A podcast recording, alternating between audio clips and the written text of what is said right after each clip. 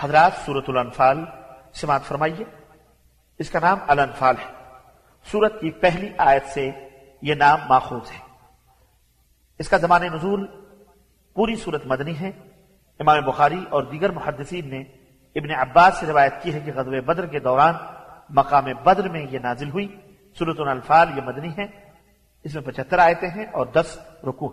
اور ترتیب کے اعتبار سے یہ سورت نمبر آٹھ ہے۔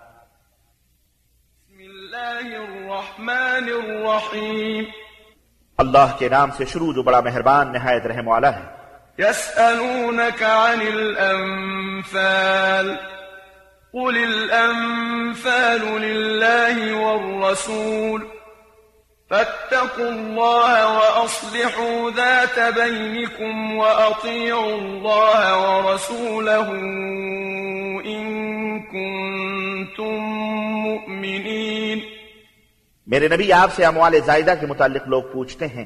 آپ فرما دیجیے کہ انفال اللہ اور اس کے رسول کے لیے ہیں۔ بس تم اللہ سے ڈرتے رہو اور اپنے باہمی تعلقات درست رکھو اور اللہ اور اس کے رسول کی اطاعت کرو اگر تم مومن ہو۔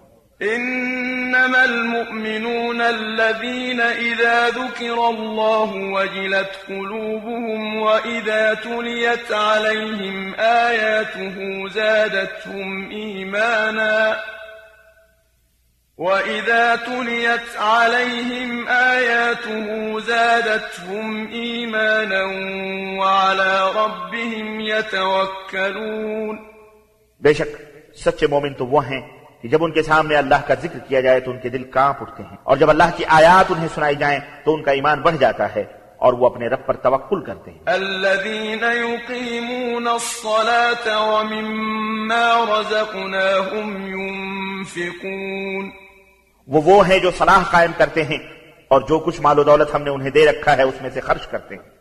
أولئك هم المؤمنون حقا لهم درجات عند ربهم ومغفرة ورزق كريم۔ یہی سچے مومن ہیں ان کے لیے ان کے رب کے ہاں درجات ہیں۔ بخشش ہے اور عزت کا رزق ہے۔ كما أخرجك ربك من بيتك بالحق وإن فريقا من المؤمنين لكارهون۔ جیسے کہ آپ کے رب نے آپ کو گھر سے حق کام کے لیے نکال لیا تھا حالانکہ مومنوں کا ایک گروہ اسے پسند نہیں کرتا تھا۔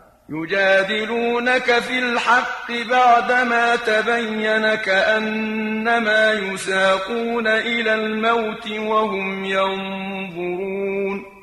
وہ آپ سے حق کے بارے میں جھگڑا کرتے تھے، حالانکہ حق ظاہر ہو چکا تھا، جیسے وہ موت کی طرف ہانکے جا رہے ہیں اور آنکھوں سے دیکھ رہے ہیں۔ وَإِذْ يَعِدُكُمُ اللَّهُ إِحْدَى الطَّائِفَتَيْنِ أَنَّهَا لَكُمْ وَتَوَدُّونَ أَنَّ غَيْرَ ذَاتِ الشَّوْكَةِ تَكُونُ لَكُمْ وتودون أن غير ذات الشوكة تكون لكم ويريد الله أن يحق الحق بكلماته ويقطع دابر الكافرين. اور جب اللہ نے تم سے وعدہ کیا تھا کہ دونوں گروہوں میں سے ایک تمہارا ہوگا، اور تم یہ چاہتے تھے کہ غیر مسلح گروہ تمہارے ہاتھ لگ جائے، جبکہ اللہ یہ چاہتا تھا کہ اپنے ارشادات سے حق کو حق کر دکھائے۔ اور کافروں کی جڑ کاٹ کر رکھ دے ليحق الحق ويبطل الباطل ولو كره المجرمون. تاکہ اللہ حق کو حق کر دکھائے اور باطل کو مٹا دے۔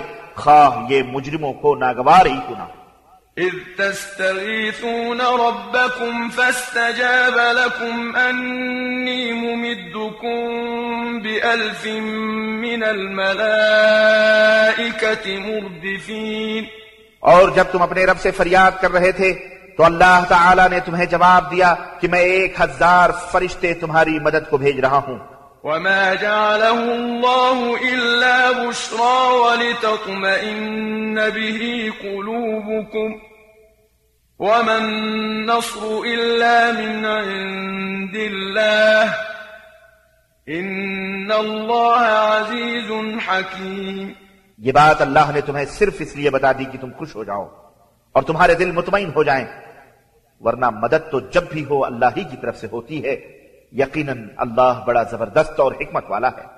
إذ يغشيكم النعاس أمنة منه وينزل عليكم من السماء ماء ليطهركم به ويذهب عنكم ۖ ويذهب عنكم رجز الشيطان وليربط على قلوبكم ويثبت به الأقدام اور جب اللہ نے اپنی طرف سے تمہارا خوف دور کرنے کے لیے تم پر غنودگی تاری کر دی اور آسمان سے تم پر بارش برسا دی تاکہ تمہیں پاک کر دے اور شیطان کی ڈالی ہوئی نجاست تم سے دور کر دے اور تمہارے دلوں کو مضبوط کر دے اور تمہارے قدم جما دے إذ يوحي ربك إلى الملائكة أني معكم فثبتوا الذين آمنوا. سألقي في قلوب الذين كفروا الرعب فاضربوا فوق الأعناق واضربوا منهم كل بنان. جب آپ کا رب فرشتوں کو حکم دے رہا تھا کہ میں تمہارے ساتھ ہوں لہذا مسلمانوں کے قدم جمائے رکھو۔ میں ابھی ان کافروں کے دل میں روب ڈال دوں گا۔ بس تم ان کی گردنوں اور ہر جوڑ پر ضربیں لگاؤ۔ ذلك بأنهم شاقوا الله ورسوله ومن يشاقق الله ورسوله فإن الله شديد العقاب۔ یہ اس لیے تھا کہ انہوں نے اللہ اور اس کے رسول کی مخالفت کی تھی اور جو اللہ اور اس کے رسول کی مخالفت کرے تو اللہ ایسے لوگوں کو شدید سزا دینے والا ہے۔ ذلكم فذوقوه وأن للكافرين عذاب النار۔ اور کافروں سے فرمایا یہ عذاب تو اب چکھو اور کافروں کو جہنم کا عذاب ہوگا۔ يا أيها الذين آمنوا إذا لقيتم الذين كفروا زحفا فلا تولوهم الأدبار اے ایمان والو جب میدان جنگ میں تمہارا کافروں سے مقابلہ ہو تو کبھی پیٹھ نہ پھیرنا۔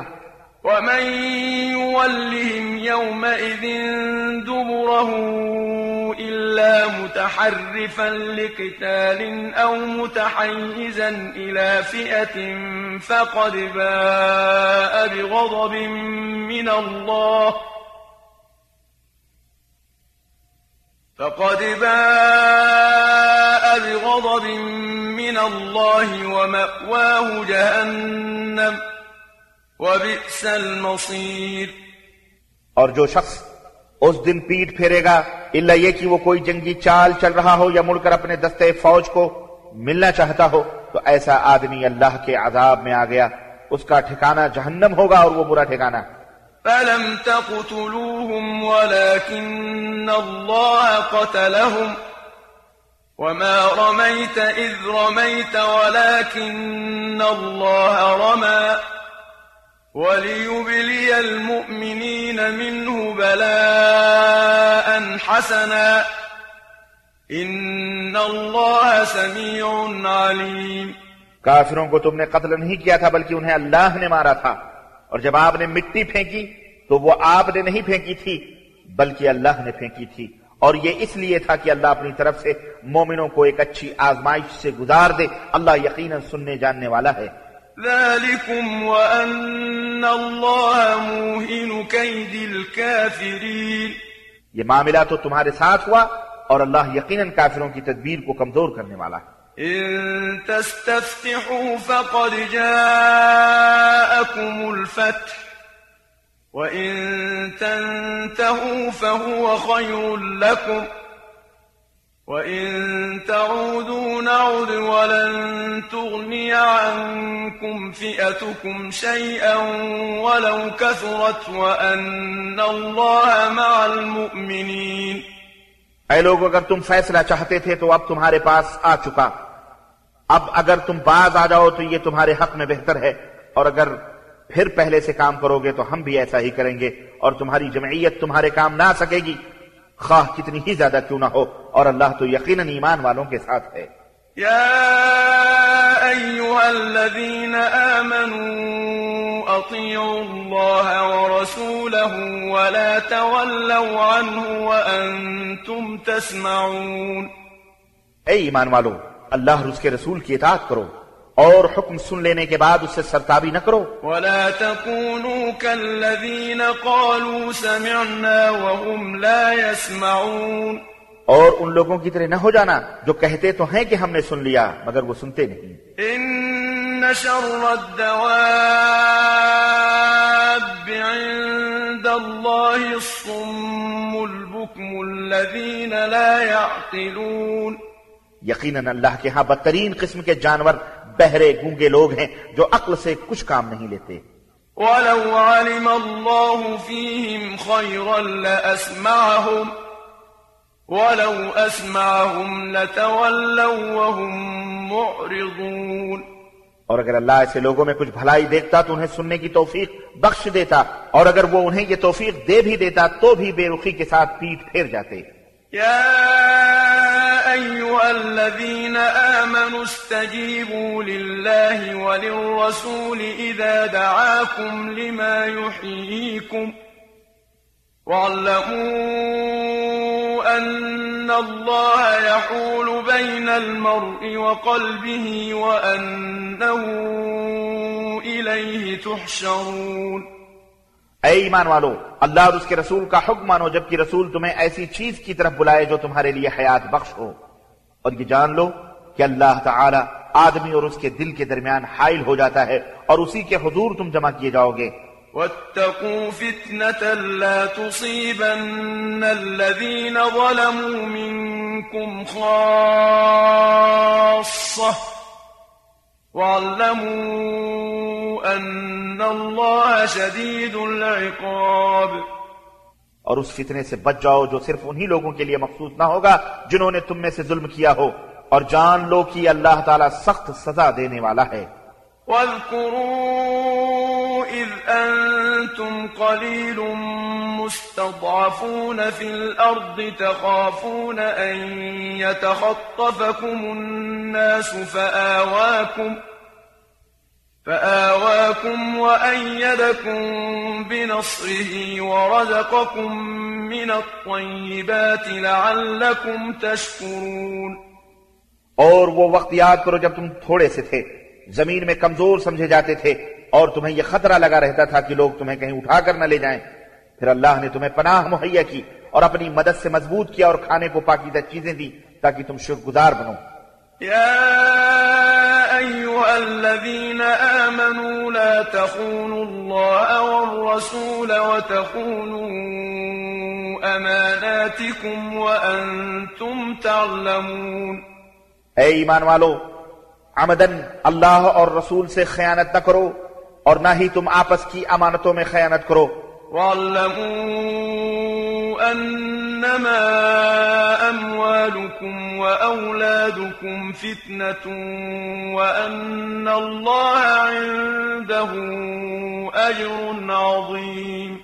اور جان لو کہ تمہارے مال اور تمہاری اولاد تمہارے لیے آزمائش ہیں اور اللہ کے ہاں اجر دینے کو بہت کچھ ہے۔ يا أيها الذين آمنوا إن تتقوا الله يجعل لكم فرقانا ويكفر عنكم سيئاتكم ويغفر لكم والله ذو الفضل العظيم اے ایمان والو اگر تم اللہ سے ڈرتے رہے تو اللہ تمہیں قوت تمیز عطا فرمائے گا۔ تم سے تمہاری برائیاں دور فرما دے گا اور تمہیں بخش دے گا اور اللہ بڑا ہی فضل والا ہے۔ وَإِذْ يَمْكُرُ بِكَ الَّذِينَ كَفَرُوا لِيُثْبِتُوكَ أَوْ يَقْتُلُوكَ أَوْ يُخْرِجُوكَ وَيَمْكُرُونَ وَيَمْكُرُ اللَّهُ وَاللَّهُ خَيْرُ الْمَاكِرِينَ۔ اور اے نبی وہ وقت یاد کرو جب کافر آپ کے متعلق خفیہ تدبیریں سوچ رہے تھے کہ آپ کو قید کر دیں یا مار ڈالیں یا جلا وطن کر دیں، وہ بھی تدبیریں کر رہے تھے اور اللہ بھی تدبیریں فرما رہا تھا اور اللہ ہی سب سے اچھی تدبیر کرنے والا ہے۔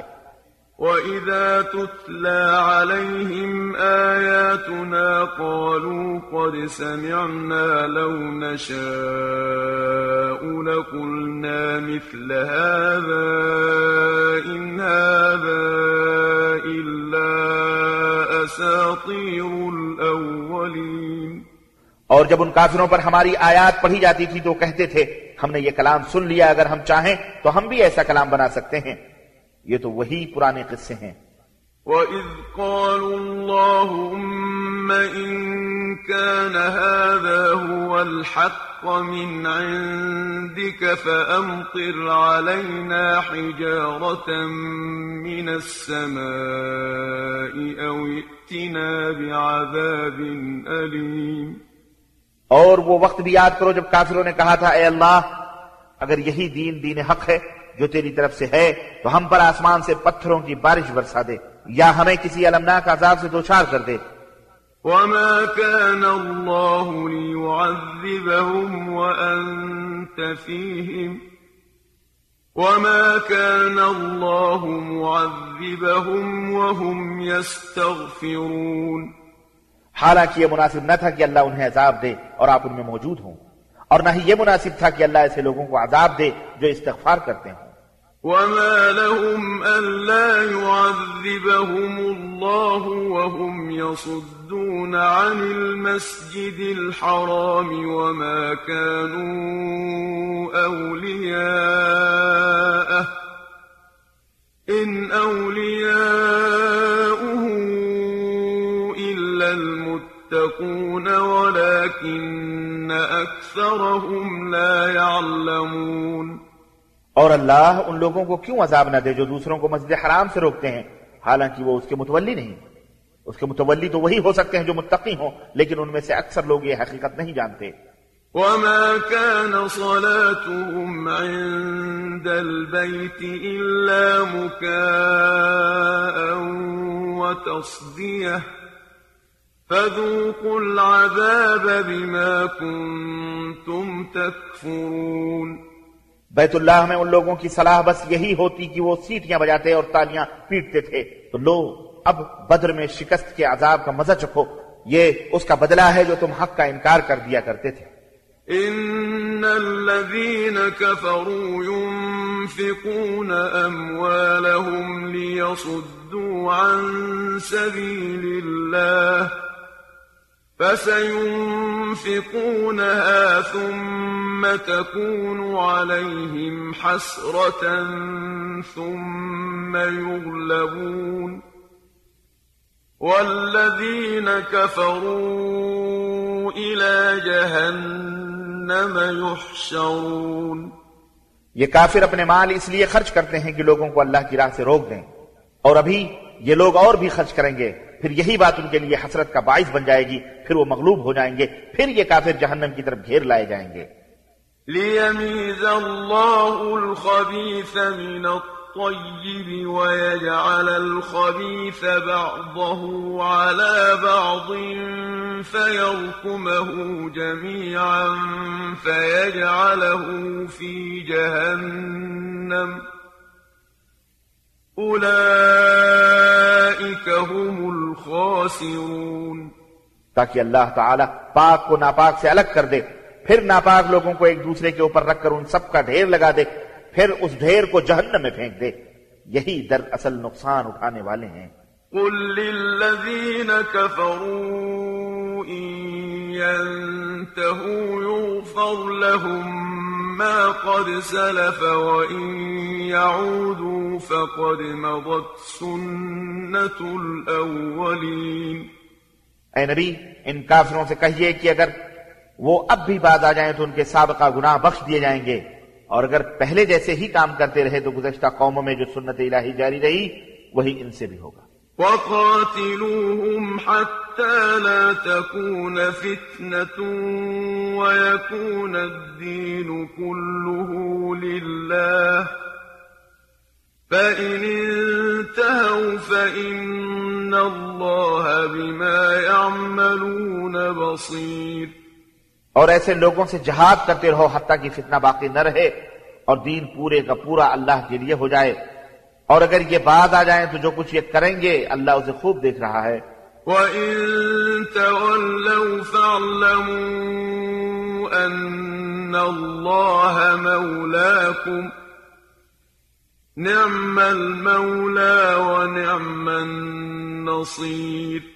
اور اگر وہ نہ مانے تو جان لو کہ اللہ تمہارا سرپرست ہے جو بہت اچھا مولا اور بہت اچھا مددگار۔ ہے واعلموا أنما غنمتم من شيء فأن لله خمسه وللرسول ولذي القربى واليتامى والمساكين واليتامى والمساكين وابن السبيل إن كنتم آمنتم بالله وما أنزلنا على عبدنا إن كنتم آمنتم بالله وما أنزلنا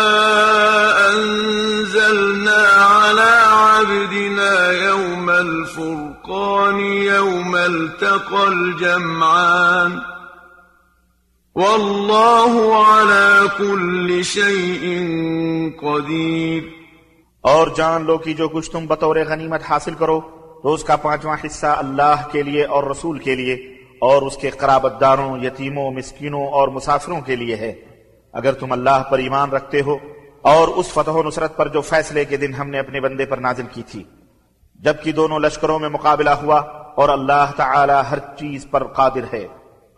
اذ انتم بالعدوة الدنيا وهم بالعدوة القصوى والركب أسفل منكم ولو تواعدتم لاختلفتم في الميعاد ولكن ليقضي الله أمرا كان مفعولا.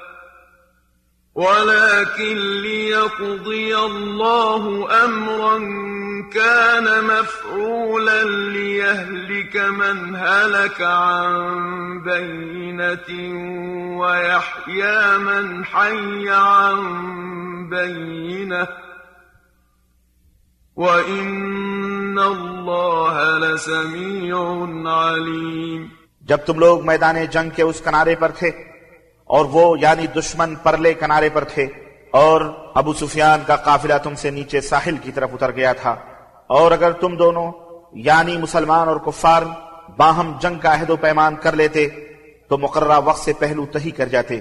لیکن اللہ نے وہ کام کرنا تھا جو ہو کر رہنے والا تھا۔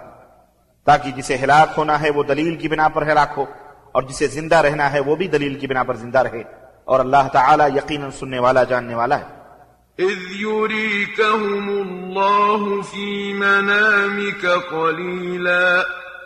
ولو أراكهم كثيرا لفشلتم ولتنازعتم في الأمر ولكن الله سلم إنه عليم بذات الصدور.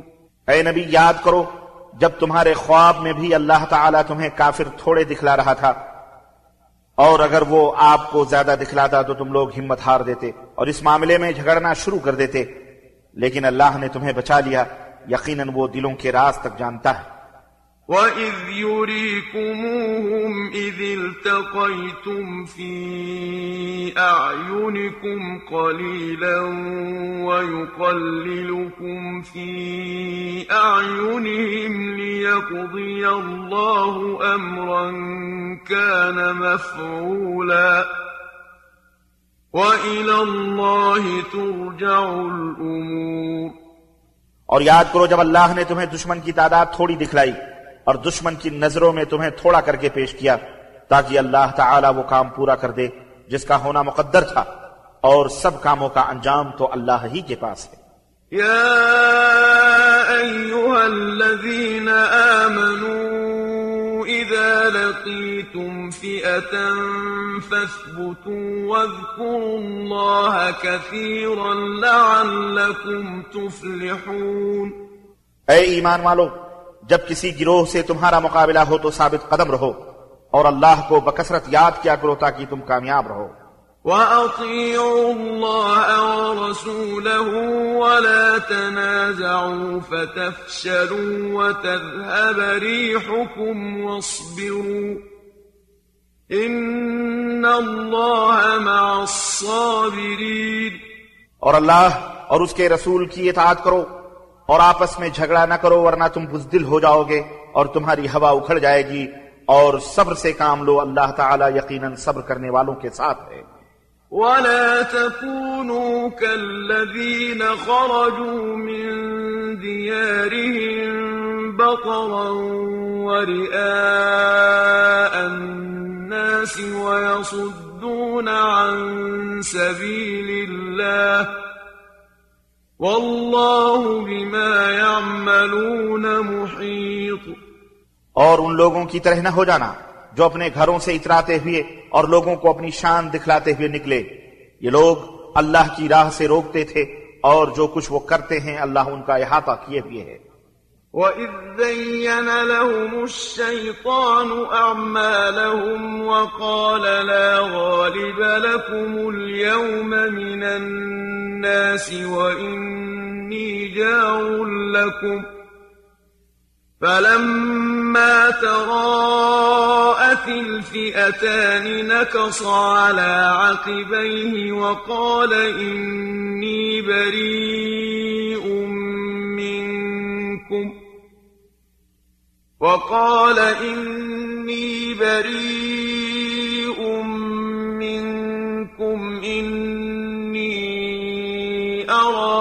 أرى ترون إني أخاف الله والله شديد العقاب اور جبکہ شیطان نے انہیں ان کے اعمال خوشنما بنا کر دکھلائے اور کہنے لگا کہ آج تم پر کوئی غالب نہیں آ سکتا اور میں تمہارا مددگار ہوں۔ پھر جب دونوں لشکروں کا آمنا سامنا ہوا تو الٹے پاؤں پھر گیا اور کہنے لگا، میرا تم سے کوئی واسطہ نہیں میں وہ کچھ دیکھ رہا ہوں جو تم نہیں دیکھتے۔ مجھے اللہ سے ڈر لگتا ہے اور اللہ سخت سزا دینے والا ہے۔ إذ يقول المنافقون والذين في قلوبهم مرض غر هؤلاء دينهم ومن يتوكل على الله فإن الله عزيز حكيم جب منافقین اور وہ لوگ جن کے دلوں میں مرد ہے کہہ رہے تھے کہ مسلمانوں کو ان کے دین نے دھوکے میں ڈال رکھا ہے، حالانکہ اگر کوئی شخص اللہ پر توکل کر لے تو اللہ یقیناً سب پر غالب اور حکمت والا ہے۔ ولو ترى إذ يتوفى الذين كفروا الملائكة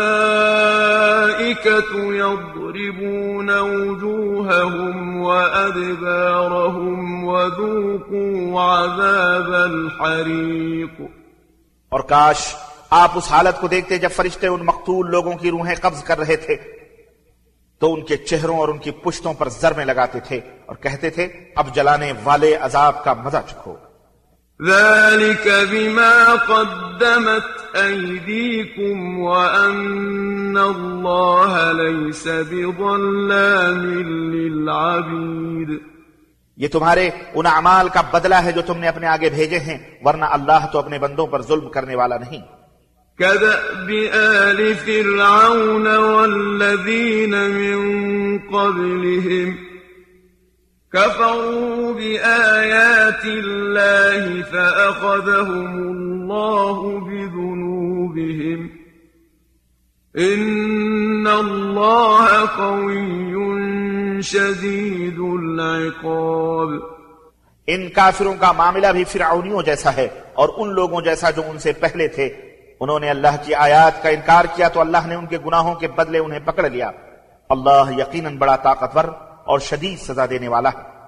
ذلك بأن الله لم يكن غير نعمة أنعمها على قوم حتى يغيروا ما بأنفسهم لم يكن مغيرا نعمة أنعمها على قوم حتى يغيروا ما بأنفسهم وأن الله سميع عليم.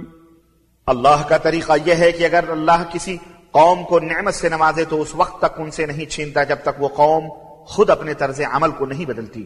اور اللہ سب سننے والا، جاننے والا ہے۔ كدأب آل فرعون والذين من قبلهم كذبوا بآيات ربهم فأهلكناهم بذنوبهم وأغرقنا آل فرعون وكل كانوا ظالمين ان لوگوں کا معاملہ بھی آل فرعون جیسا ہے اور جو ان سے پہلے تھے انہوں نے اپنے رب کی آیات کو چھٹلایا تو ہم نے انہیں ان کے گناہوں کی پاداش میں ہلاک کر دیا اور فرعون کی قوم کو غرق کر دیا اور یہ سب ہی ظالم لوگ تھے۔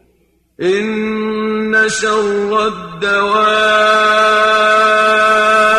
عند الله الذين كفروا فهم لا يؤمنون۔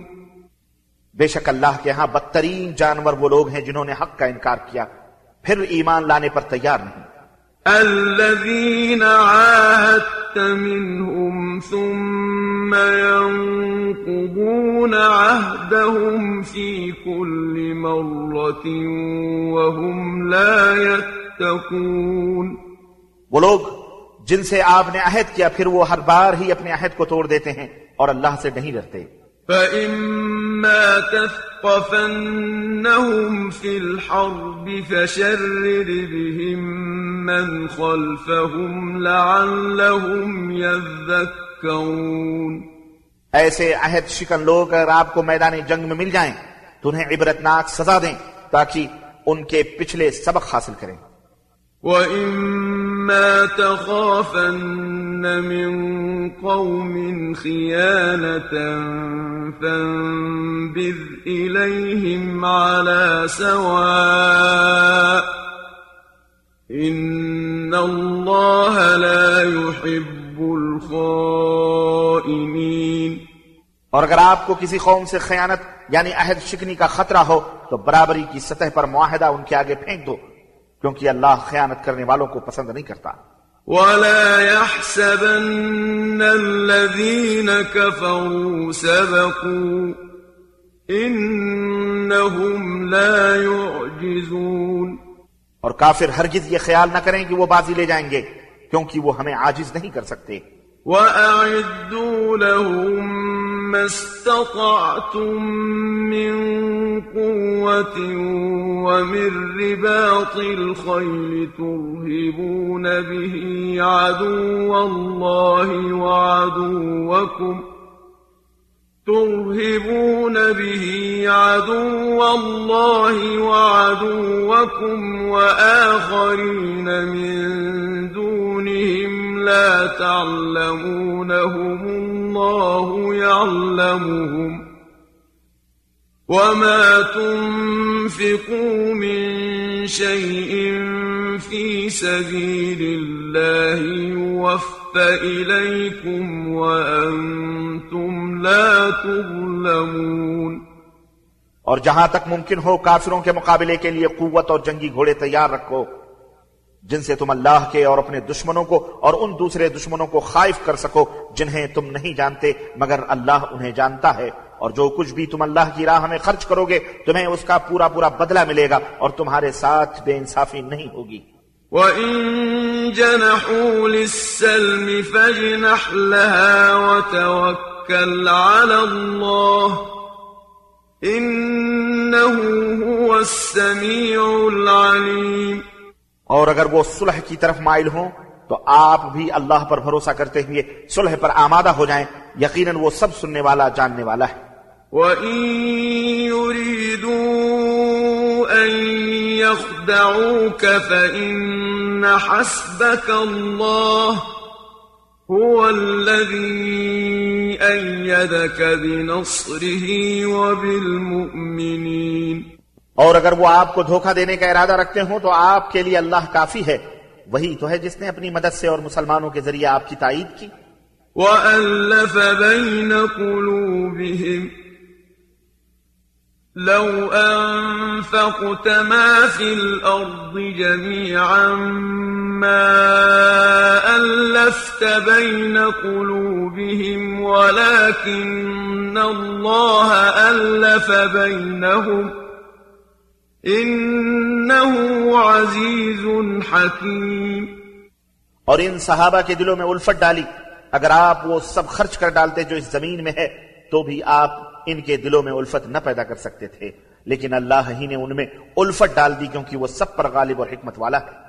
يا أيها النبي حسبك الله ومن اتبعك من المؤمنين اے میرے نبی، آپ کے لیے اور ان مومنوں کے لیے جو آپ کے حکم پر چلتے ہیں، اللہ ہی کافی ہے۔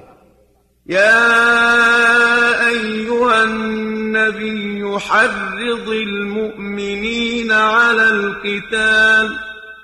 إن يكن منكم عشرون صابرون يغلبوا مئتين وإن يكن منكم مئة يغلبوا ألفا من الذين كفروا بأنهم قوم لا يفقهون اے نبی، مسلمانوں کو جہاد کی رغبت دلائیے۔ اگر تم میں سے بیس صابر ہوں تو وہ دو سو پر غالب آئیں گے، اور اگر ایک سو ہوں تو کافروں کے ایک ہزار آدمیوں پر غالب آئیں گے۔ کیونکہ کافر لوگ کچھ سمجھ نہیں سکتے الآن خفف الله عنكم وعلم أن فيكم ضعفا. فإن يكن منكم مئة صابرة يغلبوا مئتين. وإن يكن منكم ألف يغلبوا ألفين بإذن الله والله مع الصابرين. لیکن اب اللہ نے تم سے تخفیف کر دی اور اسے معلوم ہوا کہ اب تم میں ضعف ہے۔ لہذا اگر تم میں سو صبر کرنے والے ہوں تو وہ دو سو پر غالب آئیں گے اور اگر ہزار ہوں تو اللہ کے حکم سے دو ہزار پر غالب آئیں گے اور اللہ صبر کرنے والوں کے ساتھ ہے۔ ما كان لنبي أن يكون له أسرى حتى يثخن في الأرض. تريدون عرض الدنيا والله يريد الآخرة. والله عزيز حكيم. نبی کے لیے مناسب نہیں تھا کہ اس کے پاس جنگی قیدی آتے، حتیٰ کی زمین یعنی میدان جنگ میں کافروں کو اچھی طرح قتل کر دیا نہ جاتا۔ تم دنیا کا مال چاہتے ہو، جبکہ اللہ تمہارے لیے آخرت چاہتا ہے اور اللہ ہی غالب اور حکمت والا ہے۔ لولا كتاب من الله سبق لمسكم فيما أخذتم عذاب عظيم اگر ایسا ہونا پہلے سے نہ لکھا جا چکا ہوتا تو جو تم نے لیا ہے یعنی فدیہ اس کے لیے تمہیں بہت بڑی سزا دی جاتی۔ فكلوا مما غنمتم حلالا طيبا واتقوا الله إن الله غفور رحيم۔ بس تم نے بطور غنیمت جو حاصل کیا ہے اسے کھا سکتے ہو یہ حلال اور پاکیزہ ہے اور اللہ سے ڈرو۔ اللہ یقیناً بخشنے والا اور رحم والا ہے۔ يا أيها النبي قل لمن في أيديكم من الأسرى إن يعلم الله في قلوبكم خيرا إن يعلم الله في قلوبكم خيرا يؤتكم خيرا مما أخذ منكم ويغفر لكم والله غفور رحيم. اے نبی جو قیدی آپ لوگوں کے قبضے میں ہیں انہیں کہیے کہ اگر اللہ نے تمہارے دلوں میں کچھ بھلائی دیکھی تو جو مال تم سے چھن چکا ہے اس سے بہتر تمہیں عطا کرے گا اور تمہیں معاف کر دے گا اور اللہ معاف کرنے والا رحیم ہے۔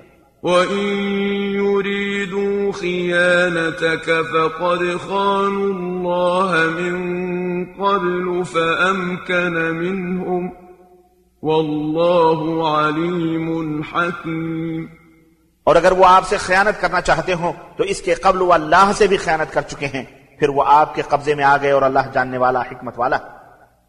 إن الذين آمنوا وهاجروا وجاهدوا بأموالهم وأنفسهم في سبيل الله والذين آووا ونصروا والذين آووا ونصروا أولئك بعضهم أولياء بعض والذين آمنوا ولم يهاجروا ما لكم من ولايتهم من شيء حتى يهاجروا وإن استنصروكم في الدين فعليكم النصر إلا على قوم بينكم وبينهم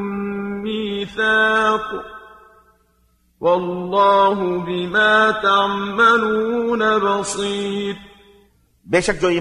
لائے